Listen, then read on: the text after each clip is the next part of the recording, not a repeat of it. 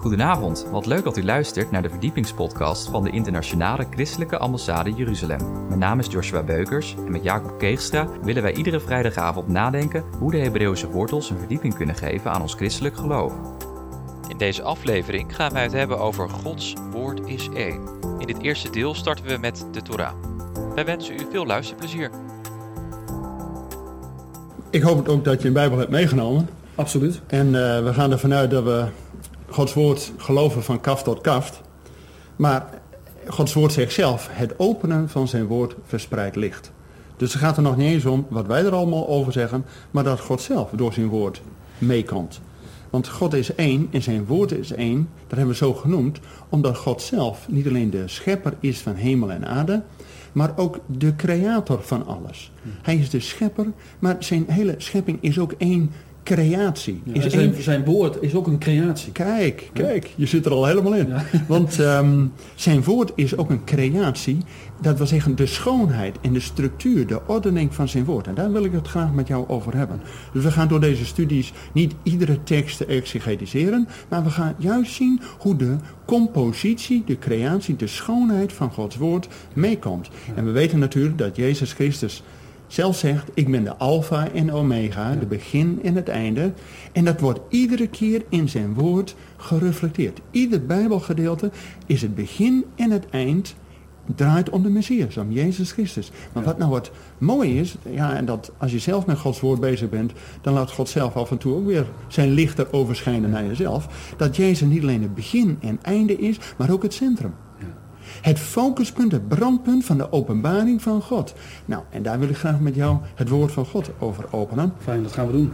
Um, alleen, ja, Gods woord wordt nog wel eens ingedeeld, zeg maar, in Oude Testament, Nieuwe Testament. Alleen het Oude Testament is niet oud. Want het woord van God is één. Het is nog steeds ook voor ons een boodschap. Ja. Dus ik zou het eerder willen noemen, zoals wij als christenen samen met de Joden het ook zouden willen noemen, het eerste verbond en het nieuwe verbond. Waar beide vanuit het eerste verbond wordt de Messias, Jezus Christus, geprofeteerd. En in het Nieuwe Testament is hij aanwezig die een verdieping van Gods openbaring naar ons en natuurlijk ook naar de luisteraar wil, wil doen. Zullen we eens kijken hoe Gods woord is uh, opgebouwd? Gaan we doen. Want kijk, um, dat hij niet alleen uh, goed is ingebonden, dat, uh, dat uh, lukt allemaal wel. Maar de indeling van Gods woord, dat heeft alles te maken met hoe God zelf zijn woord ook gelezen wil hebben. Want in de kerkgeschiedenis is er natuurlijk allerlei discussie over van hoe moeten we nou met Gods woord omgaan. Sommigen die lezen dat puur als, uh, nou het is leuk, het is uh, dat ooit eens uh, dat volk van God uit Egypte is getogen naar het beloofde land. Nou prima, een stukje historie. En voor de historici is dat allemaal leuk. Maar dan heeft het weinig ons te zeggen. Sommigen lezen ook het woord vanaf de reformatie werd iedere keer gezegd, je moet alles christocentrisch uitleggen. Daar ben ik deels mee eens, want uiteraard het eh, eerste verbond wijst op Christus. Maar als je het Nieuwe Testament alleen maar leest door de bril van Jezus die gekomen is, dan mis je naar mijn besef dat Jezus ook spoedig weer komt. Ja, maar je moet het ook profetisch lezen. Tuurlijk. Ja. En sterker nog, dat, ik ben blij dat je dat zo aanhaalt, de indeling van Gods woord in het eerste verbond en het nieuwe verbond, die indeling van het Oude Testament is ook in drieën. Zoals God zichzelf ook in drieën openbaart met, Ab, met God de Vader, God de Zoon en God de Geest. Nou, nu is het wet, geschriften en profeten. Ja, ja. want dat is dus ook een stukje openbaring van wie God is door Gods wet, Gods onderwijzing, Gods ja, Torah. Torah. Het is dus niet wet van, oh, ik zal je even de les lezen. Ja. Het is Gods onderwijzing waarin God zelf zich openbaart wie hij is. En dat begint natuurlijk al, maar laten we even, even die indeling uh, in ieder geval...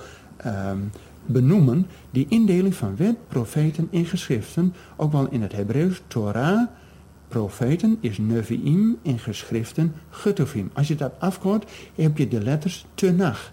En die naam zal vast bekend zijn. Dus tenach is het geheel van wat wij Oude Testament noemen, maar wel in drieën van wet, profeten en geschriften. Okay. En het typische is dat in het centrum daarvan het profetische woord is. En dat vind ik nou zo mooi. Dat dus Gods woord niet alleen historie is van, och, in de beginnen was er eens. Ja. Maar dat het boodschap voor ons is. Ja. Ik kan dat direct duidelijk maken dat wanneer Jezus, de opgestane Heer, dus toch het fundament voor ons als christenen, de opgestane Heer gaat op paaszondag, dan gaat hij aan die twee Emmausgangers en vervolgens aan die elf bange discipelen, die er bij elkaar in een mutje zitten. En van oeh, wat overkomt ons? Dan komt Jezus in het midden en hij zegt, vrees niet. Dus het woord van God, de levende Jezus, zegt, vrees niet. En wat zegt hij? Och, dat gij niet alles gelooft wat in de wet, profeten en geschriften op mij van toepassing heeft, dat de Messias, de Christus, moest leiden om tot zijn heerlijkheid in te gaan. Weet je dat Jezus zelf, de opgestane Heer, dus onze Heer en Heiland, verwijst zelf terug naar wet, profeten en geschriften, dat dat alles profetisch te maken heeft met wie hij is en wat zijn roeping en wat zijn bediening is. Nou, je bent zelf evangelist, jouw roeping is ook om het woord van God te prediken. Nou, over het Nieuwe Testament gaan we het nog vele keren hebben. Zullen we eerst eens gaan kijken naar het allereerste begin, het Genesis. Want we kennen natuurlijk Gods onderwijzing, Gods Torah, die vijf boeken van Mozes. Wat begint met Genesis, in de beginnen. Weet je waar de Bijbel het allereerste woord in het Hebreeuws mee begint? Enig idee? allereerste woord in het Hebreeuws. Dan tap ik even uit een andere bron. Ja. nee, ik heb geen idee, Jacob. Het staat natuurlijk in de beginnen. En dat is natuurlijk het begin. Maar in het Hebreeuws staat er Bereshit. Is natuurlijk vertaald met in de beginnen. Maar als je alle andere vertalingen hebt, de, Latijnse vertaling, die door de hele middeleeuwen maatgevend was natuurlijk, dan staat er in principio. Dat wil zeggen, dat zijn de principes van God. Worden in Genesis. In het boek van alle wording. Dus ik wil ook met name, ook voor de, de kijkers, dat we Gods woord lezen. Juist als je iets niet begrijpt in Gods woord, en ik begrijp een hoop dingen niet, dan verklaart Gods woord zichzelf. Ja, zichzelf. Het is een schrift met schrift verklaren, omdat het Gods woord is. God openbaart zelf wie hij zelf is in zijn woord. Want jij dus- zegt ook wel eens van, als je iets niet begrijpt, ga dan terug naar het begin. Klopt, klopt. Dus helemaal aan het begin staan de principes. Genesis is een boek van principes. Zullen we eens naar Genesis gaan kijken? Dat het eerste woord is in de beginnen, uiteraard. Weet je waar het slot van Genesis over gaat? Genesis 50. Nou, ik kan het even opzoeken, maar... Genesis 50 gaat over de dood van Jozef. Dan denk je, is dat nou een principe van God? Ja, want Jozef wordt genoemd de Safnat Paaneas, de redder der wereld. Dus in het eerste fundamentele, grondleggende basisboek van de hele Bijbel, waar al het andere zeg maar, op, voortgebaseerd, op voortgebouwd is, begint dus met het schema neer te leggen van in de beginnen en het gaat naar die verlosser der wereld, die moest sterven voor onze zonde. Ja, want er zijn heel veel vergelijkingen, overeenkomsten met Allemaal parallellen, want Jozef was natuurlijk ook de geliefde zoon van zijn vader. Hij kreeg een, het mooiste kleed om als een teken dat hij de koningszoon is. Alleen, ja, die broers waren natuurlijk jaloers. Ja. Kan me ook wel iets bij voorstellen. Alleen Jozef moest door de diepte heen, hè, de Jesaja 53 type is hij, die door de diepte heen moest. En dan pas werd hij in de overwinning, in de bediening geplaatst. En werd hij eerst de redder der wereld, maar werd hij vervolgens ook de redder van zijn broeders. Ja, ja. Dus het meest fundamentele boek, Genesis, gaat over dat plan al van God, dat God in de beginnen een redder der wereld heeft voorbereid. prachtig. Ah, dat vind ik al geweldig. en Gods woord is één Wist je dat die vijf boeken van Mozes, hè, Genesis, Exodus, Leviticus, Numeri en Deuteronomium. Deuteronomium betekent Deuteronomios, tweede nomos, tweede wet. is dus ook de samenvatting van de wet. Dat is de samenvatting. Als we, als we die, vijf al zien, wist je dat eh, het begin hebben we het net over gehad, hè? Bereshit, dat is dus het, het grondleggende in de beginnen. Maar wist je wat precies aan het eind Zullen we lezen wat daar staat? Ja. Deuteronomium 33 en 34, dat is de slot van de Torah. En dat gaat over de zegen van Mozes. Ja. En wat is dan het allerlaatste woord in de Torah? In ik denk dat ik weet wat je wil zeggen. Ja? Ja? ja? Deuteronomium 34, het allerlaatste woord. Alleen dat is in de vertaling in het Nederlands is dat moeilijk na te pluizen. Maar in het Hebreeuwse origineel is het laatste woord... Is Israël, hè? Ja. ja. Weet je wat Israël betekent? Uh, ja. De mens die strijd met God, die samenstrijd met God. Amen. Ja, ik moest Amen. even nadenken, maar ik ja, wist het. Ja, het is ook een studie, hè? Ja, Dus we ja, moeten, ja, nee, we moeten elkaar eh, scherp houden bij de les. Het is toch heel frappant dat Israël, hè, het volk Israël, aan wie de woorden van God zijn toevertrouwd, dat hij iedere week een portie, een gedeelte van de schrift leest. En dan helemaal, als ze alles gehad hebben, dan direct met die Torah, met de onderwijzing van God, eindigen met de zegen. Want dan gaat het bij ons als christen toch ook om, dat we als we naar de gemeente toe gaan, dat we daar komen hoe we zijn, maar dat we door de verkondiging tot inzicht komen dat we zondig zijn, dat we een stuk bekering en dat we de zegen van God Ja, mogen dat meenemen. Dat we niet zo uit de dienst gaan zoals we gekomen zijn. En de zegen is er ook voor, hè, om, om, om tot, onze, tot ons doel te komen, hè, tot onze bestemming. Ja, amen. Ja, die gaan we straks natuurlijk ook lezen. Hè? De zegen van, eh, hè, want ik heet Jacob en leer één ding van die allereerste die Jacob werd genoemd. Ik ga hier niet weg, tenzij ik gezegend wordt. Dus eh, daar gaan we voor. Maar het allerlaatste woord. Als Israël door de hele jaar heen in die cyclus en dan hebben ze de zegen ontvangen. En dan denken ze, ja, nou is die Torah is afgelopen. Maar ze beginnen direct weer opnieuw met Genesis 1. Want het woord van God gaat gewoon met ons mee. En dan is het keerpunt, het allerlaatste woord uit die Deuteronomie 34, vers 12, het woord Israël. En dat is wat je zegt, heel terecht. Israël is natuurlijk, ja, is God zelf die zich openbaart als Abraham, Isaac en Jacob. En Jacob mocht op een gegeven moment in die worsteling met God als hij strijdt met God, dan mag hij die naam Jacob niet meer houden, maar dan wordt hij een Israël. Dat hij met God. Overwint in strijd. En dat is ook precies het slotwoord van de Torah, van de onderwijzing van God, dat we samen met God overwinnaars zijn. Amen. Dus je ziet al dat vanaf Genesis is er in het plan van God, is een redder der wereld die moest sterven om ons tot de redding te brengen. Maar de hele onderwijzing gaat naar dat wij samen met God strijden. En zijn we dan overwinnaars? Absoluut. Amen toch? Absoluut. Want God heeft ons bedoeld niet tot eh, oh, een beetje een zielig eh, christendom, maar dat wij tot koningen en tot priesters worden geroepen. Nou, wat doen koningen? Die heersen. En wat doen priesters? Die zegenen. Maar we kunnen alleen maar zegenen als we natuurlijk zelf de zegen van God hebben ontvangen. Zullen we eens naar die zegen van God gaan in nummerie 6? Hè, dus dat we niet wachten tot het eind, maar we hebben vanuit een gezegend programma het woord verder ja. gaan.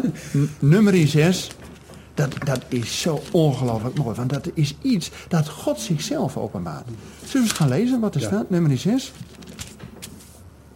Daar staat, de Heere zegene u en behoede u. De Heere doet zijn aangezicht over u lichten en zij u genadig. De Heere verheffen zijn aangezicht over u en geven u vrede. Amen. Ja, eigenlijk kunnen we nou gewoon het programma sluiten. Maar Fantastische tekst. misschien ja, en Maar het weet- heeft een diepere betekenis. Ja, ja, ja. want kijk, in het Hebreeuws staat daar... Jeberecha Adonai Bejismerecha. Dat is de eerste zin. En die bestaat uit drie woorden. Ja. En de tweede zin is het... Jeberecha Adonai Bejismerecha. Ja, eer Adonai Penavalecha Bejugenecha. De tweede regel is vijf woorden.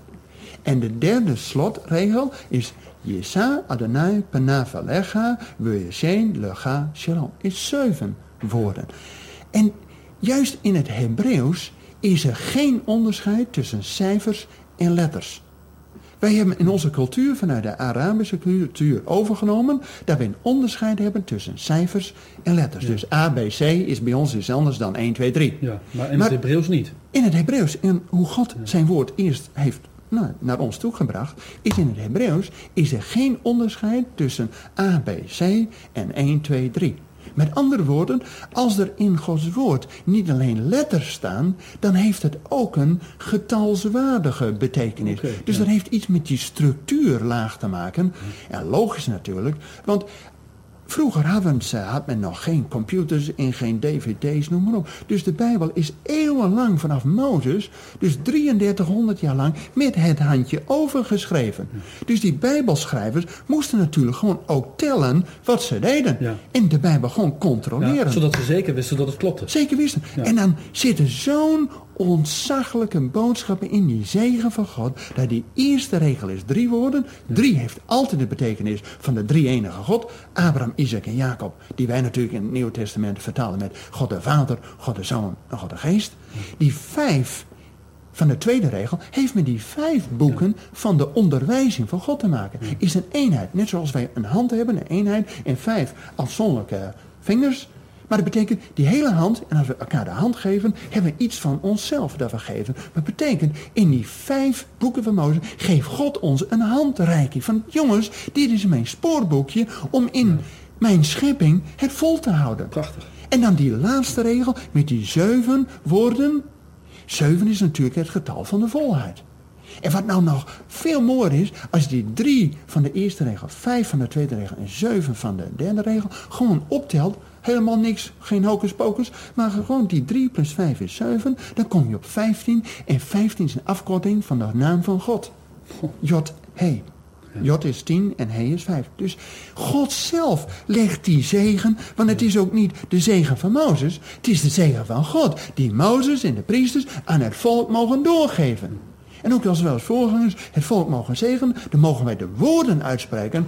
Maar wij kunnen niet zegenen. Het is God zelf die zijn woord aan ons bevestigt en dubbel en dwars klaarstaat. En het doet die zegen.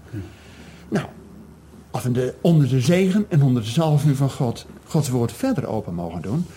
Nou, laten we ons vooral vanochtend concentreren op dat eerste deel, de Torah. Hè, de um, openbaring van God, die handreiking van God. Dan zien we dat die vijf boeken van Mozes ook een eenheid vormen. Van Genesis, Exodus, Leviticus, Numeri en Deuteronomium. Die is als een samenvatting. Die vat in wezen, als die duim omvat die ook die hele hand, is een samenvatting van die eerste vier. En we hebben al net gezien, het begin en het eind. Het eerste woord is in het begin, de principes van God. En het slotwoord is Israël, dat we samen met God strijden en overwinnen. En wat staat nou precies in het centrum? van de Torah, van onderwijzing van God. Zullen we eens gaan kijken naar Leviticus. Is het boek dat wij als christenen meestal overslaan, want dan gaat het over de offers. Ja, dat is bij ons niet zo populair. Maar Leviticus Welk is hoofdstuk? het hoofdstuk 19 en dan vers 18b. Dat is precies ook getalsmatig. Als je alle versen van de Torah optelt en deelt door twee, kom je exact op Leviticus 19 vers 18b. En wat staat daar? Zullen we eens lezen? Ja. Er staat maar, gij zult uw naaste lief hebben als uzelf. Ik ben de Heer. Ja. Dus in het centrum van Gods onderwijzing, Gods spoorboekje, Gods aanwijzing om te leven, staat er, je moet je naaste lief hebben als jezelf, want ik ben de Heer. Ja. En, en wat zegt ons dat nou als christen? Juist als dat in het focuspunt, in het brandpunt staat van Gods onderwijzing. Wat staat nou in die samenvatting? Zullen we eens kijken naar Deuteronomium 6? Want dat Deuteronomium was natuurlijk de, de samenvatting. Hè? De samenvatting van alles, van die hele Torah. Deuteronomium 6, vers 4. De beleidenis van Israël. Deuteronomium 6, vers 4. Vers 4, daar staat... Hoor Israël, de Heere is onze God. De Heere is één. En, en wat staat er dan? Gij zult de... Gij zult de Heere uw God liefhebben met geheel uw hart... en met geheel uw ziel en met geheel uw kracht. Ja, Ja, weet je, dus in de samenvatting van Gods onderwijzing staat... Hoor Israël, de Heer is God, de Heer is één. God is één. En wat wil hij van ons? Dat we God lief hebben met, nou, half ons hart en maar een deel van ons geld. Zo en toe. En zo af en toe, alleen op zondagochtend van 10 tot 11. En Ja. daarna gaan we het in een commissie. Nee, God, God zegt, wees één. Want weet je, God is één in de hemel. En hij wil dat wij als kroondragers op de schepping... dat we tot koningen en priesters zijn... dat we één zijn in ons hart, in ons ziel, in ons wat we doen. Trouwens, die eenheid wordt ook al in ons, die handreiking van God geopenbaard. Zie je?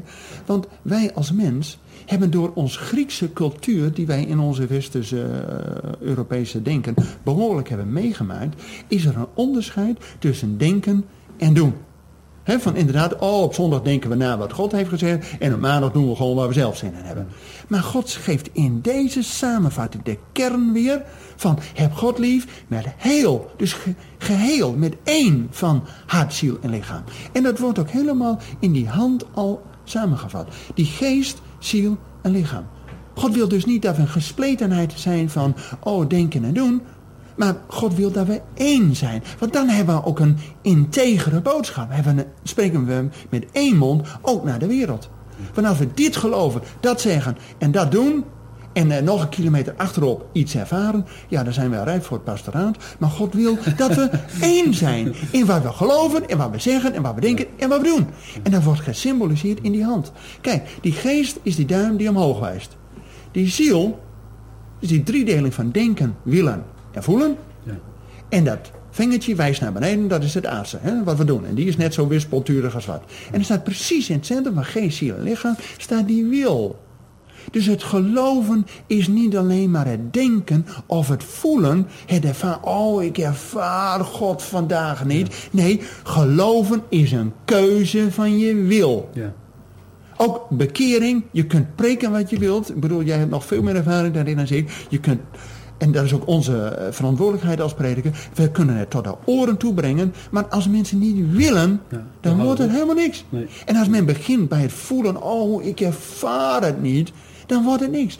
En de bedoeling van God in het centrum staat, je moet het willen. En hier staat, willen met je hart. En het is geheel met je hart God willen liefhebben. Met je ziel, met je hart en met je verstand. En alles, je kracht, zodat je doet. Maar in die samenvatting en in die kern laten we direct vanuit Gods onderwijzing de lijnen doortrekken naar het nieuwe verband.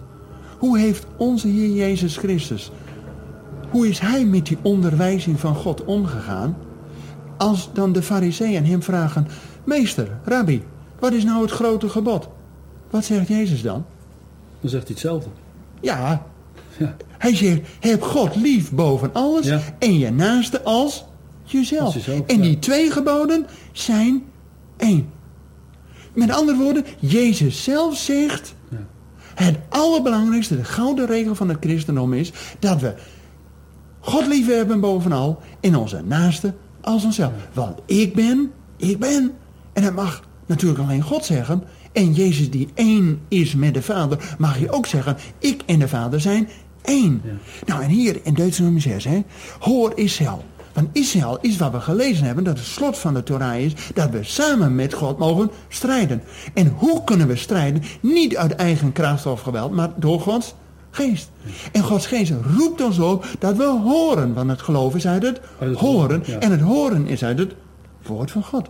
Daarom strijden met God lukt alleen als we eerst horen. Hoor Israël, de Heer is onze God, de Heer is één. En omdat God één is en zijn woord één is, wil God ook dat wij één zijn naar geest, ziel en lichaam. Ja, dat, dat denk ik, jongens. Het is prachtig. Ja. Maar zullen we Gods woord eens verder openen? Heel graag. Want Gods Ja. woord openbaart Ja. wie God zelf is.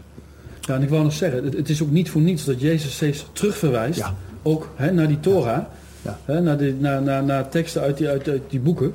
En ook zelfs als hij wordt verzocht in de woestijn, hè, dan haalt hij ook drie keer een tekst aan uit Deuteronomie. Ja. Ja. Ja. Ja, en weet je waarom dat met name drie keer een tekst uit Deuteronomium is? Juist in Israël gaat men al vanaf het derde jaar naar de kleuterschool. En daar hoort men ook van hun eigen geschiedenis. En dat is ook de Bijbelse geschiedenis. Vanaf je dertiende moet je ook de Torah van God doen. Ja. Hè? De onderwijzing van God. Dat je niet gaat stelen, niet gaat liegen. Hè? De tien geboden is natuurlijk een samenvatting ook weer daarvan. Maar, maar, kinderen vanaf een derde jaar leren, leren de van, samenvatting. leren vanuit, klopt, vanuit Deuteronomium. Wat is het eenvoudigste Hebreeuws? Ja. Is de samenvatting. Met andere woorden, als Jezus tegen die verzoeker tot drie keer toe een tekst uit Deuteronomium vertelt, dan kan zelfs een kind weten, je moet God lief hebben boven alles Ja. en niet die ander. Ja. Ja, dat vind ik zo'n geweldige boodschap. Hè, is van- mooi. Ja. Zullen we eens verder gaan kijken naar die Torah van God met die vijf boeken? Want die vijf boeken is een eenheid. Want wij hebben dat in onze Nederlandse eh, indeling natuurlijk wat in vijf boeken. Hè? Genesis, Exodus, Leviticus, Numeri, Deuteronomium. Maar in het Hebreeuws loopt de tekst gewoon door. Oké. Het is Genesis, hè, het begint met Bereshit. En de allereerste woord heeft de allereerste letter is een B, is een bed.